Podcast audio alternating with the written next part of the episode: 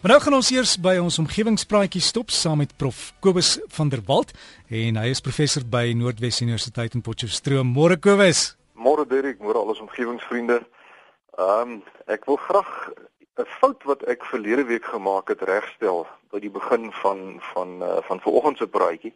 Ek het verlede week 'n paar vrae oor die aard van lig probeer beantwoord. Ehm um, en beide professor Johan van der Walt van die Pik en ook professor Fritz Hane van die Universiteit van Stellenbosch het my daarop gewys dat 'n foton alhoewel hy geen massa het nie, tog wel 'n infinitesimale hoeveelheid momentum het. En dit bewys nou maar net weer eens hoe vreemd en onverstaanbaar dinge op die kwantumvlak is of as goed teen die snelheid van lig beweeg. Dit gaan eintlik alle logiese denke te bowe en vir ou soos ek is dit heeltemal bo op my vuurmaakplek, maar my hartlike dank aan die twee fisici vir daardie regstelling. Dan wil ek vanoggend 'n verdere vraag van meneer Jacques de Wet probeer beantwoord. Hy vra waarom waai die woestyne se sand nie weg nie. Hy sê hy hoor die Sahara se sand waai soms tot op ander kontinente. So sand word dus wel weggewaai uit die woestyne uit, maar word sand dan iewers in die woestyn geproduseer net so vinnig as wat dit wegwaai? En dit is 'n baie goeie vraag. En die antwoord daarop is dat slegs die fyn stof oor oseane heen gewaai kan word. Die groter sandpartikels trek gewoonlik nie vreeslik ver nie en beland in die see naby die kus waarvan dan dit dan weer deur die golwe teruggewerk word na die kus toe. So alhoewel die produksie van sand in die brongebiede van woestyne onophoudelik teen 'n baie lae tempo voortduur, word die grootte van 'n woestyn veel eerder bepaal deur die hoeveelheid reënval en dan natuurlik die menslike aktiwiteite as wat dit bepaal word deur die relatiewe tempos van sandproduksie en sandverlies. As mens nou na die Namib-woestyn kyk, dan het navorsers van die University College of London in 2010 bewys dat die sand van die Namib meer as 'n miljoen jaar lank in die woestyn self bly voordat dit weggewaai word. En dit dui daarop dat die sand self dan nou nie teen 'n groot tempo wegwaai nie. Iets interessant is dat die sand in die Namib eintlik afkomstig is vanaf die Oranje rivier. En die Benguela stroom werk dan die afgesette materiaal vanaf die monding van die Oranje noordwaarts totdat dit deur die seewerking uitgespoel word aan die Namibiese kus. En die fynere materiaal waai gedurende stormsterkte winde dan nou maklik weg en net die grower sand bly agter en dis waar die duine dan nou vandaan kom.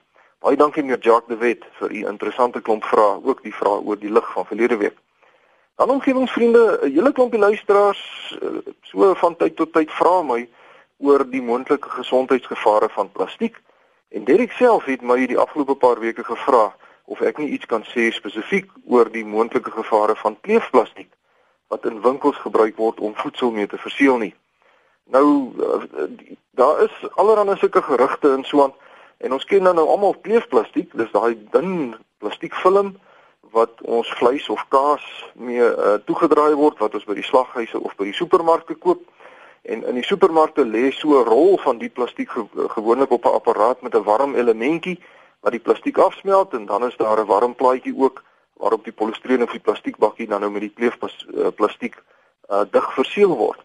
Nou die kommer is dat uh, hierdie hierdie uh, chemikalieë in die plastiek word selfs in die natuur nou al in groot konsentrasies aangetref. En nou is daar ook by sommige luisteraars kommer dat hierdie chemikalieë in die plastiek dalk uh, nadelige gesondheidseffekte kan hê as dit nou in kos beland en en ons eet dit dan. Nou ja, ek het my huiswerk gaan doen En toe het ek agtergekom dat kleefplastiek hoofsaaklik van polivinylkloried of dan PVC gemaak word. Daar is ook ander tipes kleefplastiek deesdae soos lae digtheid polyeteen. Ehm um, maar eh, die die die die grootste deel van die kleefplastiek in die wêreld uh word nog steeds van PVC vervaardig. Nou hele klomp lande, uh, veral in die eerste wêreld, Europa en so aan, het al die gebruik van PVC verbied in gebruike waar dit direk met voedsel aan aanraking kom omdat daar wel kommer is dat chemiese verbindings wat talate genoem word oorgedra kan word vanaf die plastiek na vetterige kossoorte soos vleis, kaas en vis. Omgewingsvriende, ek het omtrent 'n speurtog van stapel moes stuur om agter die kap van die byl te kom. Eers het ek by 'n paar van die supermarkte hier in Potchefstroom gevra waar hulle hulle rolle kleefplastiek koop. En hulle kry dit natuurlik by groothandelaars. En toe uh, bel ek 'n paar van die groothandelaars om te hoor waar hulle dan die, die, goed dan nou kry. Maar by twee redelik prominente besighede, as ou nou op die internet begin soek na kleefplastiek verskaffers, die eerste twee van daai besighede het ek myself letterlik teen 'n muur vasgeloop. Hulle was onvriendelik en hulle wou my net mooi niks inligting gee nie en vir my reguit gesê Hulle gee geen inligting oor waar hulle hulle kleefplastiek kry nie. Maar twee ander groothandelaars was baie genee om met my te gesels en hulle het my toe verwys na 'n Suid-Afrikaanse fabriek wat hierdie soort plastiek plaaslik vervaardig. En hierdie fabriek was baie behulpsaam en baie vriendelik en hulle het my al die relevante inligting gestuur. Ehm um, en uit hierdie hele episode het ek agtergekom dat hier duidelik twee verskillende goed aan die gang is of twee verskillende standaarde. Een groep groot groothandelaars voer die plastiek in vanuit lande waar daar min of geen beheer is oor die samestelling en die veiligheid van die plastiek. En tweedens is daar dan 'n eerste wêreldse internasionale standaard wat op die voorkomende beginsel berus waar regerings seker maak dat hulle mense nie aan ongewenste chemikalieë blootgestel word nie. In die fabrieke wat kleefplastiek nou plaaslik vervaardig, probeer voldoen aan laasgenoemde standaard, met ander woorde internasionale kriteria met betrekking tot die veiligheid vir die gebruik van die plastiek in direkte kontak met voedsel. Nou al die verantwoordelike vervaardigers van kleefplastiek in Suid-Afrika word verteenwoordig deur die Suid-Afrikaanse Verniel Assosiasie of dan SAFA. En ek het vir meneer Dani Martens van Heidelberg gevra om SAFA se dokumente op die webwerf www.groenenergie.co.za te plaas.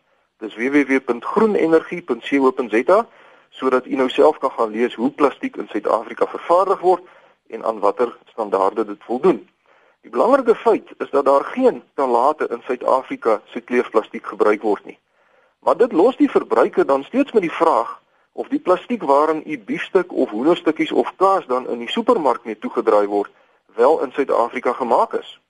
Wat my bekommer oor hierdie saak is dat die Suid-Afrikaanse vervaardigers van kleefplastiek meer as genee was om 100% oop kaarte te speel oor die saak Maar daar is 'n klomp groothandelaars wat nie bereid is om te sê waar hulle hulle kleefplastiek vandaan kry nie. En my afleiding is dat daar dis wel kleefplastiek sonder die nodige beheer en kwaliteitsmateriaals na Suid-Afrika ingevoer word.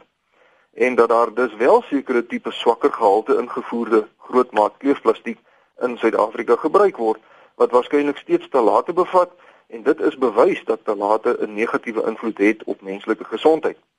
So my gevoel is dat ons omgewingsvriende eenvoudig moet aandring op antwoorde. Die die Suid-Afrikaanse verbruiker het die volste reg om van wetenskaplike bewyse voorsien te word dat die materiaal waarin winkels ons voedsels vir ons verpak veilig is.